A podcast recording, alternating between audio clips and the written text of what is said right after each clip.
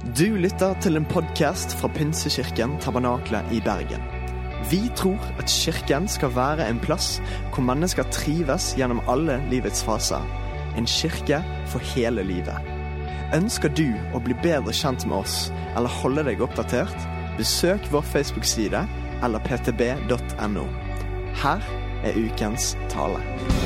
Alright, jeg bare rydder litt. Du, så gøy å være her. Jeg håper du har hatt en god dag i sola. Jeg ser deg ikke, men jeg håper du ser meg. Jeg har tatt meg ut, så du skal se meg. Tenkte jeg skulle minne litt om sola som har vært ute, så du ikke glemmer den. Det er fort å gjøre her i Bergen. Jeg elsker Bergen, jeg vil bare si det. Jeg vil bare begynne med det, og det er ikke tull. Jeg elsker Bergen. Eh, og jeg har til og med prøvd å lære meg nystemten. Jeg har ikke kommet så veldig langt på det. Eh, ikke fordi at eh, Nei, jeg vet ikke hva jeg skal si med det, egentlig. Du, eh, vi er midt i en serie som heter Johannes. Eh, Johannes evangelium er en bok i Bibelen for deg som er helt ny. Det er lov å være helt ny. Vi, eh, så er det sånn at vi har gått igjennom da, som sagt, eh, noen kapitler i denne boken for å, å sette litt fokus på boka. Og Da har vi gått igjennom eh, tre ting. At Jesus er livets brød. At Jesus er livets lys, som Kristine Bangren snakka om sist søndag. Så du bør gå og sjekke podkasten. Eh, og så i dag så skal jeg snakke om at Jesus er faktisk Han er den gode gjeteren. Ja. Du bare Right! Martha snakka om at Jesus er eh, porten på fredag. Eh, og det er også en ganske sånn spesiell ting å kalle seg selv, vil jeg bare tørre å påstå. Jeg er porten. Ser du det for deg? Nei, ok. Greit. Altså, Noen av dere trenger å bli litt mer kreative når dere leser Bibelen. For dere leser bare Bibelen sånn som den er, og så tenker dere ikke gjennom hva dere faktisk leser. Eh, og mange ganger når du leser ting i Bibelen, så er det veldig rart. Hvem er enig i at det er mye rart i Bibelen? Ok, og Hvis du ikke har syns det er mye rart i Bibelen, så, så, vil jeg nesten tørre påstå at da har du ikke lest nok. Eh, det er utrolig mye rart i Bibelen. Eh, og det er mye som du kan sette deg inn i, lage bilder. Prøv å spille scener opp i hodet ditt på hvordan dette ville sett ut. Eh, for da blir det plutselig mye mer levende. Nå er jeg kanskje en overkant dramatisk person, eh, så jeg ser det for meg. Jeg kan liksom acte det ut når jeg sitter og leser. Så jeg liksom, Her er jeg, og du er der, og så Jesus står der. Og jeg ser det for meg.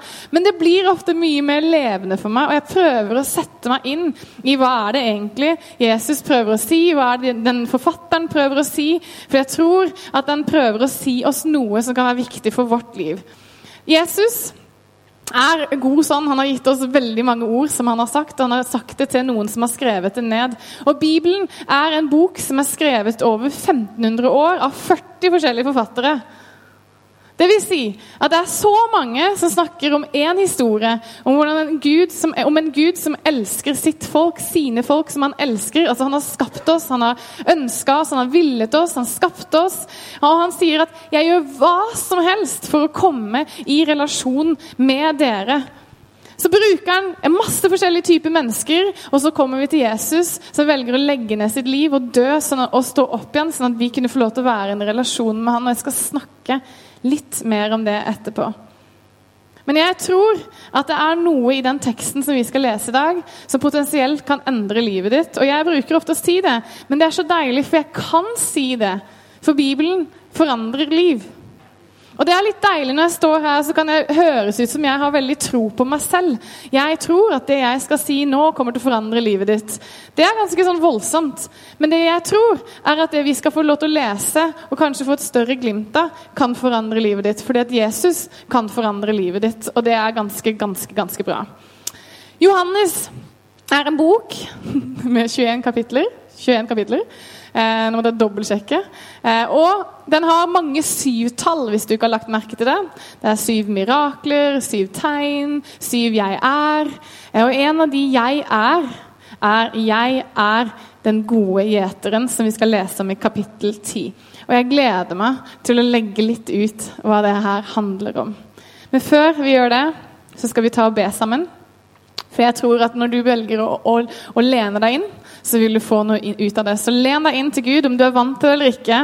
Da kan du bare, Hvis du ikke er vant til å be, så kan du bare si Gud, right, gjør det du vil. Men jeg skal be, så kan du være med.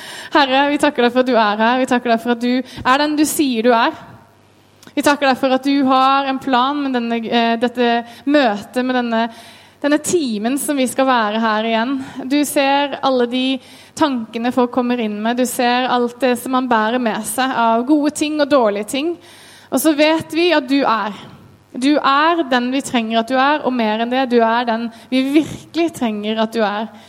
Herre, vi takker deg for at du er før alle ting, og du er etter alle ting. Du er midt iblant oss, og du snakker til oss. Du er styrke, du er fred, du er glede, du er håp. Du er alt vi trenger.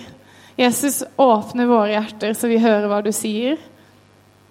Jeg har forventning til deg, Jesus. Gjør som du vil, hva du vil, når du vil, hvordan du vil. Det er vår bønn i ditt store, mektige navn. Amen. Amen. Johannes han er veldig smart, fordi det kommer du til å se i den teksten jeg skal lese nå. At han bruker å legge det opp som at eh, det er et mirakel, og så sier Jesus noe om seg selv. Eh, og så blir folk sure, eh, så krangler de litt. Er Jesus den han sier han er, eller er ikke Jesus den han sier han Eh, og så har de en liten diskusjon, og så er det sånn noen som bare 'Jesus er Messias', og så er det noen som bare sånn derre I'm out of here. Så går de. Og sånn går egentlig hele Johannes evangelium. Så nå har du lært deg å lese den teksten der. Ganske enkelt? Ja. Good. Da leser vi kapittel 10, 11-21. Følg godt med.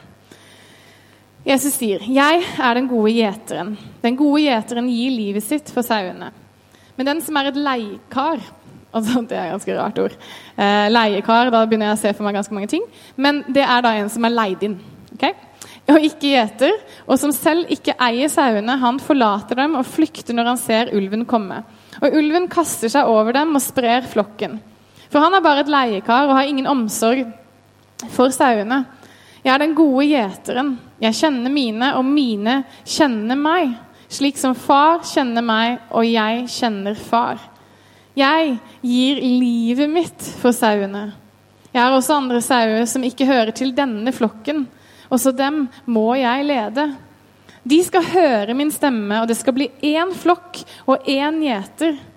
Far elsker meg fordi jeg gir livet mitt for siden å ta det tilbake. Ingen tar mitt liv. Jeg gir det frivillig. For jeg har makt til å gi det, og makt til å ta det tilbake igjen. Dette er oppdraget jeg har fått av min far. Nå ble det igjen splittelse blant jødene pga. det han hadde sagt. Og mange av dem sa han har en ond ånd i seg, han er gal. Hvorfor hører dere på ham? Andre sa slik taler ikke en som har en ond ånd. En ond ånd kan da ikke åpne øynene på de blinde. Begynner de å diskutere. Er Jesus den han sier han er, eller er han ikke? Det er fascinerende at Jesus bruker hyrde eller gjeter. Jeg vet ikke om du tenker at det er et sånn typisk eh, kongelig bilde. Eh, men i Bibelen så er det ganske tydelig at eh, David var en gjeter og ble konge. Og man ser igjen og igjen at det er liksom, konge og gjeter er, noe av det, er, ofte liksom, er ofte satt i samme kontekst. Og det syns jeg egentlig er utrolig fascinerende, fordi en gjeter er langt fra en, Det er ikke den beste jobben du kan få. Det er ikke den mest glamorøse jobben. Du stinker mest sannsynlig ganske mye. For du går rundt med de sauene, du sover med de sauene, du lever med de sauene, du spiser sammen mat som sauene, mest sannsynlig. Du er ute sammen med disse sauene over lengre perioder. Det er en utrolig lite glamorøs jobb. Og det fascinerer meg at da velger Jesus til og med selv å bruke dette bildet. Jeg vet ikke hva det ville vært i dag, men jeg, jeg kunne sett for meg noen ting det kunne vært, og jeg skal ikke nevne det i fare for å si feil. Men Jesus han, han gjør noe ganske tydelig. Og Vi skal komme tilbake til det, men Han linker seg selv til noe som var i Det gamle testamentet. Han linker seg tilbake til noe som det var gitt løfter om. Og Han sier noe om hva en gjeter er, og hva en konge egentlig skal være. En konge er ikke en som skulle være på toppen på en gullstol, fine klær, men en konge skulle vandre rundt folket sitt, være en del av folket og lede dem. Men vi tenker ofte at en konge skal være en som sitter på gullstol, som ikke er nær oss. At kong Harald skal snakke med meg, syns jeg egentlig er veldig spesielt. Men det som er at Jesus han er en konge som ønsker å være blant sitt folk, sammen med sitt folk.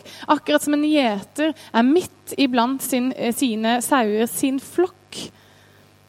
Jesus velger dette bildet selv om jødene forventer en militær konge.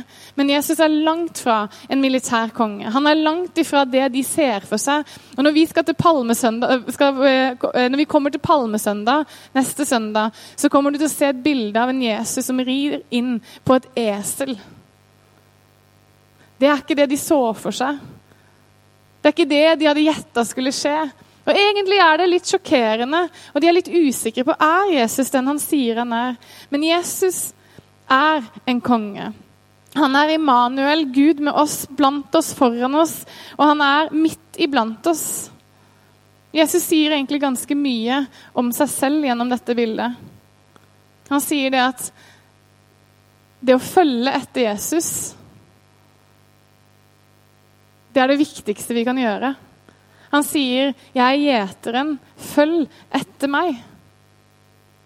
Og Jeg tror vi kanskje glipper litt på dette bildet, og jeg håper jeg kan åpne det litt for deg når vi skal gå gjennom dette her. Hyrdens ene jobb er faktisk å gi seg selv til flokken sin. Beskytte flokken, sørge for at de får mat, at de får drikke, at de får det de trenger. Det er en sann konge og i en veldig tid med mye opprør så går Jesus og er ganske tydelig og sier dette er det det vil si å lede. Dette er det det vil si å være en sann konge. Første punktet mitt er gjeteren leder oss, eller Jesus er gjeteren som leder oss. Han sier det. Også dem må jeg gjete. Lede. Unnskyld. Han sier faktisk 'også dem må jeg lede'. og Det sier noe om at det finnes så mange mennesker som han lengter etter. Og Han ønsker å lede oss, og han ønsker å lede de og gjøre de til ett folk. Han ønsker å gå sammen med de, og ved siden av de, foran de og lede de. Og Det som er interessant med en gjeter, er at sauene kjenner stemmen til gjeteren. Det er sånn at faktisk så er det at eh, hvis en annen kommer, gi, kommer, med en stemme som ligner, som imiterer gjeterens stemme, så er det faktisk sånn at sauene løper andre veien, for de kjenner igjen stemmen til gjeteren. Det sier noe om intimiteten, nærheten mellom gjeteren og sauene. For de kjenner igjen. Og gjeteren kjenner hver eneste med navn. Og på den tida så visste gjeteren alle, hvem alle sauene var, og det syns jeg er fascinerende. Han kjente dem med navn. Når han telte de inn på kvelden, så telte han de, og han visste hvem de var. Og sånn er det med Jesus. Han kjenner oss med navn, og han går foran oss, og han snakker foran oss, sånn at vi kan få lov til å følge etter han.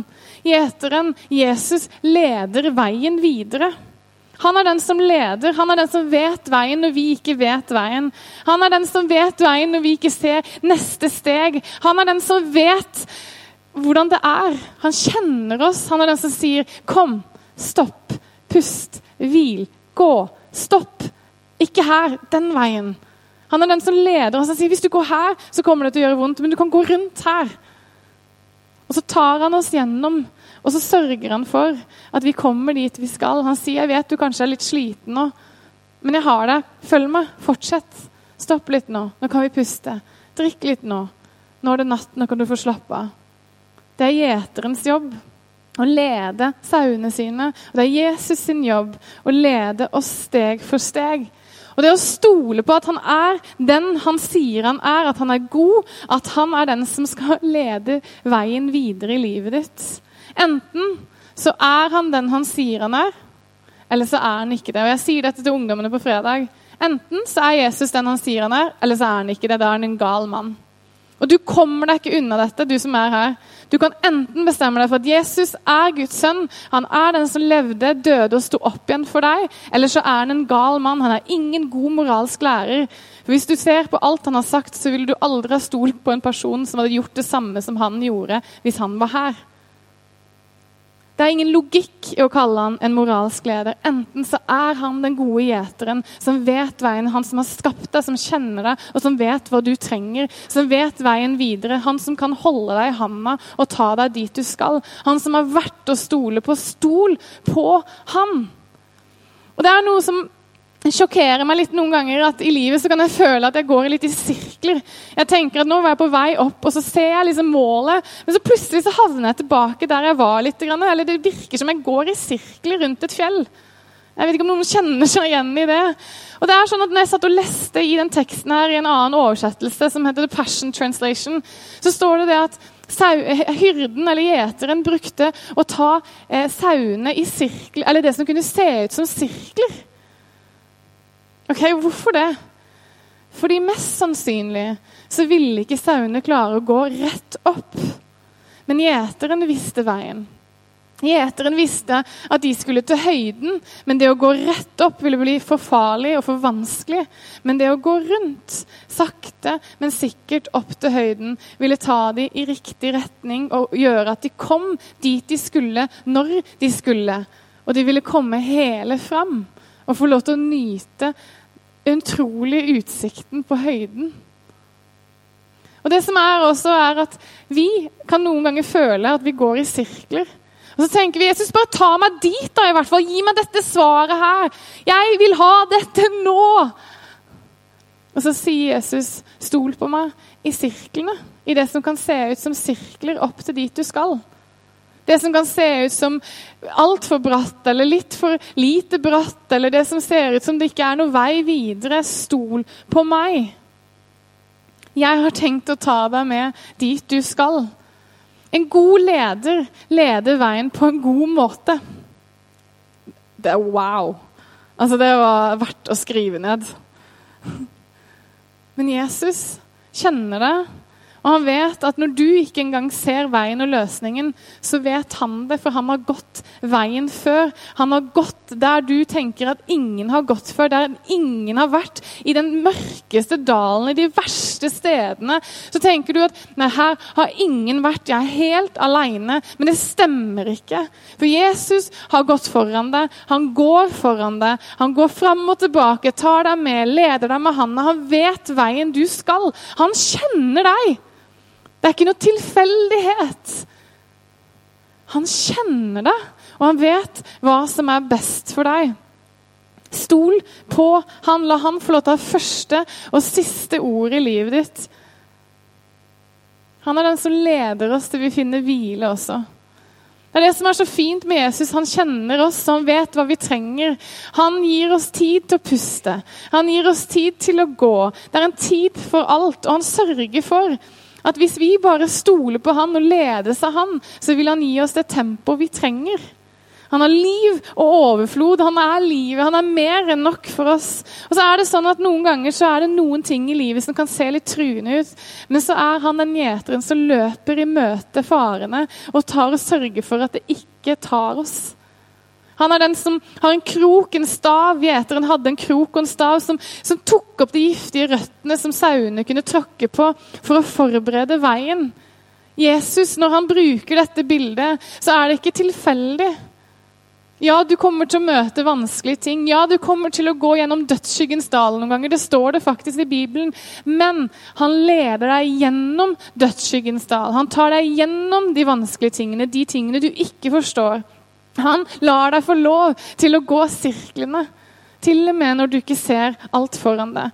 Og Det som jeg syns er så fantastisk, er at han er til og med i det jeg kaller veien i midten. Jeg klarte ikke å finne noe bedre ord på det, eller en setning. Men det er noe i livet som heter veien i midten.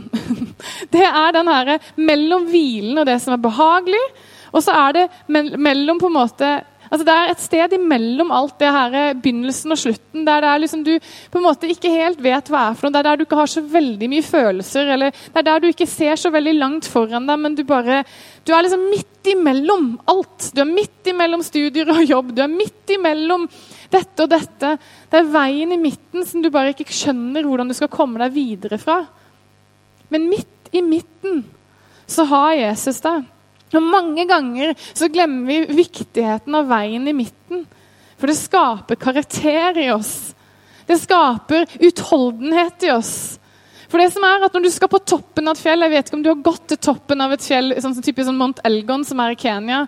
Så er det faktisk en høydeforskjell som gjør at du må tåle den høydeforskjellen. Og den får du ikke uten å ha trent. uten å ha gitt det tid.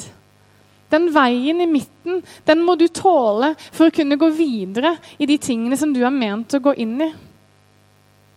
Vi glemmer noen ganger at den veien i midten, som kan til og med være litt kjedelig og liksom, Den er utrolig viktig.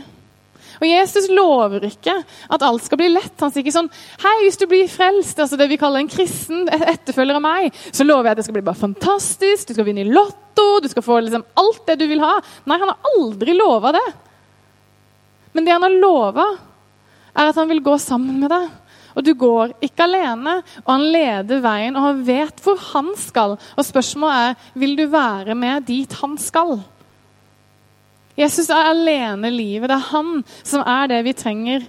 Han har vært fra tidenes begynnelse. Han kjenner alt. Han kjenner deg, og han vet hva du trenger. Og Fra tidenes begynnelse så har han vært der, og det syns jeg er så deilig. Og så ser vi i Gamle testamentet løfter som skulle komme om en, en gjeter som skulle komme og samle flokken sin. Og det er for meg å gå tilbake og lese profetene i Gamle testamentet og se at Jesus oppfyller løftene, det sier noe om at kanskje er Jesus den han sier han er. Kanskje så er han også trofast til å gjøre det han har sagt at han skal gjøre. For når han har gjort det før, så er det gode sjanser for at han gjør det igjen. Det er heller Hvorfor skulle han ikke være den han sier han er? Hvorfor skal han ikke gjøre det som han er? Hvis han er, så gjør han ut ifra den han er. I Esekel 34, vi skal lese den teksten sammen, så ser vi det at Jesus oppfyller noe. og Jeg syns det er så vakker, den teksten her. Se for deg et folk som har blitt bare slengt hit og dit. De har flykta, jødene har vært overalt. Og så kommer dette løftet om en frelser som skal komme og gjøre alt bra. En Messias som skal samle folket. Til og med de som ikke passa inn, til og med de som ikke hørte med. De skal denne Messias komme og samle. Og så leser vi i vers 11. Så sier Herren Gud. Se, jeg vil selv lete etter sauene mine og ta meg av dem. Som en gjeter tar seg sauene sine og er med dem den dagen de blir spredt. Slik vil jeg ta meg av sauene mine og berge dem fra alle stedene de kom til da de ble spredt, på den mørke og skytunge dagen. Jeg vil føre dem ut fra folkene og samle dem fra landene og føre dem inn i deres eget land. Så skal jeg gjete dem på fjellene i Israel, i dalene overalt hvor de bor i landet. Og på gode beitemarker skal jeg gjete dem, og de skal ha engene sine på Israels høye fjell. Der skal de hvile i frodige enger, der skal de gå på saftige beiter på fjellene i Israel. Jeg vil gjete sauene mine og la dem hvile, sier Herren Gud.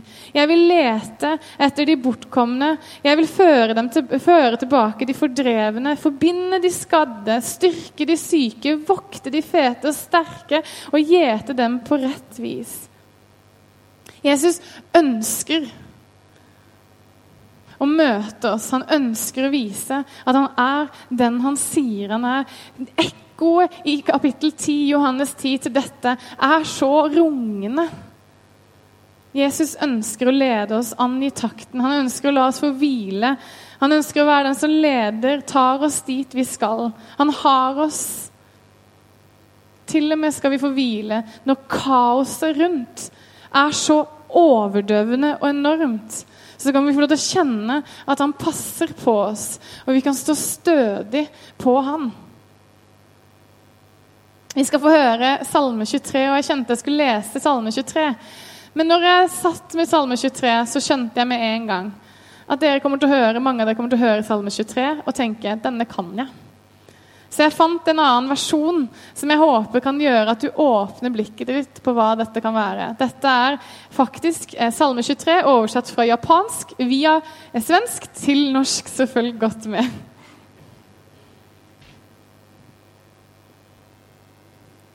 Herren angir takten. Jeg skal ikke jage. Han hjelper meg å bli værende, så jeg kan falle til ro. Han gir meg stunder av stillhet og gjenoppretter min indre balanse. Og leder meg til å kunne prioritere rett. Når mitt hjerte har fred, behøver jeg ikke frykte. Selv om jeg har tusen ting å gjøre, for han er med meg. Han som har alle tider i sin hånd, bevarer meg i hvile hos seg. Han gjør i stand drikke som lindrer min tørst. Min ånd forfriskes og fornyes midt i travelhetens hverdag. Han salver mitt hjerte med stillhetens olje og la mitt beger flyte over av glede og kraft. Harmoni og fullendelse skal bli frykten av mitt arbeid, og jeg skal vandre ved min Herres side og være hos ham for alltid. Herren angir takten. Jeg vet ikke om du har gått med noen som går veldig fort. Så skjønner du plutselig at du løper litt etter. Eller hvis du har gått med noen som går veldig sakte, så er det litt vanskelig å liksom klare å finne takten. Men Herren angir takten, og så gir han deg muligheten til å gå i takt med Han. Og når du velger å gå i takten med Han, så sier du egentlig 'jeg stoler på deg', og 'jeg stoler på den veien du leder meg på'. Og Min utfordring til deg før jeg går i mitt andre poeng, er at du må stole på Han som sier han er. Han er den gode gjeteren som leder veien, og hvile i at han er den gode gjeteren. Enten så, så gjør, tror du at han er den han sier han er, og stoler på han fullt og helt, som er enormt vanskelig, men vi får lov til hver dag ta det valget igjen og si jeg velger å stole på deg i dag. Jeg velger å gå i takten med deg. Jeg velger å gå tett inntil deg. Eller så gjør du ikke det. Og jeg kan love deg at det å følge takten til han som vet takten best, som er skaperen av takten, som er skaperen av deg, er det smarteste du kan noensinne gjøre. Mitt andre poeng er at Jesus er den gode gjeteren. Han er den som legger ned sitt liv for sine. Og Vi snakka om det at, på, at, han er porten, som er litt tidligere i teksten. Og Det som er så fint med det bildet, selv om du tenker port, det er sånn rart, så er porten noe som er, som står, altså Jesus står der, og så teller han skiene på slutten av kvelden, og så sørger han for at alle kommer inn. Og så ser han oi, du, du er litt såra. Så salver han hodet og forbinder det som er såra. Han passer på hver eneste en. Han kjenner hver eneste en. Han sørger for at de får mat, og at de får det de trenger. Og Jesus velger så å si, bruke det bildet at han legger ned sitt liv. Og gjeteren brukte å legge seg på tvers av porten, sånn ingen uvedkommende skulle komme inn. Han beskytter oss, han bevarer oss. Han er den som leder oss og er, vil gi sitt liv. Han er ikke den som går i motsatt retning når farer truer, men han er den som beskytter oss når farene truer. Han er den som vi kan stole på. Jesus sitt kall var og er å legge ned sitt liv for sine, for de som han elsker. Han sier, 'Jeg gir mitt liv frivillig'. Vi sier ofte at han, å, han måtte dø. Jesus måtte ikke dø. Han valgte å dø, sånn at vi skulle få muligheten til å få evig liv. Det er en utrolig viktig distinksjon det er en forskjell på det å måtte dø og det å gi sitt liv frivillig fordi at han ser prisen å betale er stor. Men han ser gevinsten av å betale den prisen er så mye større, for han elsker deg, og han ville gjort hva som helst for å finne deg. Han er den som leiter etter de en, de, den ene. Han er den som går etter den som har gjemt seg bort, den som kanskje gikk av veien, som tenkte nei, dette er midten, denne sirkelen, det orker jeg ikke. Den som ikke skjønner det. Så går Jesus og sier, 'Jeg leiter etter den ene. Jeg skal finne den ene.' Ikke fordi jeg skal tvinge den, men fordi jeg elsker den ene. Jeg elsker deg. Og det som er at Vi skjønner ikke alltid denne uendelige kjærligheten til Jesus. Men jeg tror at når vi får lov til å få et glimt av det, så forandrer det livet vårt. Denne skandaløse kjærligheten. Denne nåden som er så stor. Og I Lukas 15, 4-7 Mange har hørt denne historien her så står det det her Dersom en av dere eier 100 sauer og mister en av dem, lar han ikke da de 99 være igjen ute i ødemarken og leter etter den som har kommet bort, til han finner den. Og når han har funnet den, blir han så glad og legger den på skuldrene sine og bærer den. Og straks han kommer hjem, kaller han sammen venner og naboer og sier til dem, gled dere med meg, for jeg har funnet igjen den sauen som var kommet bort. Jeg sier dere, på samme måte blir det større glede i himmelen over én synder, én som har gått bort, som vender om, enn over 99 rettferdige som ikke trenger omvendelse. Han lar de 99 bli igjen og leiter etter den ene. Og skulle vi forville oss vekk, så kommer han etter oss. Ikke som skummelt, men han står der bare med et åpent blikk og sier, vil du, vil du at jeg skal elske deg? Kan jeg få elske deg? Min kjærlighet er her. Og han står der med kjærlighet i øynene som oser ut av han. Og så sier han, 'Vil du ta imot min kjærlighet?' Og så kan du velge å snu deg den veien du vil. Men det øyeblikket du snur deg mot hans øyne og ser han rett i øynene, så vil alt endre seg. Fordi hans kjærlighet er så stor, så enorm. Den er så enormt stor. Den er som en bølge som bare kommer og tar over. Og bare virkelig som flasher over. Den er helt enorm. Hans kjærlighet er ubeskrivelig. Han er, han er, den som har lagt ned livet sitt for sine.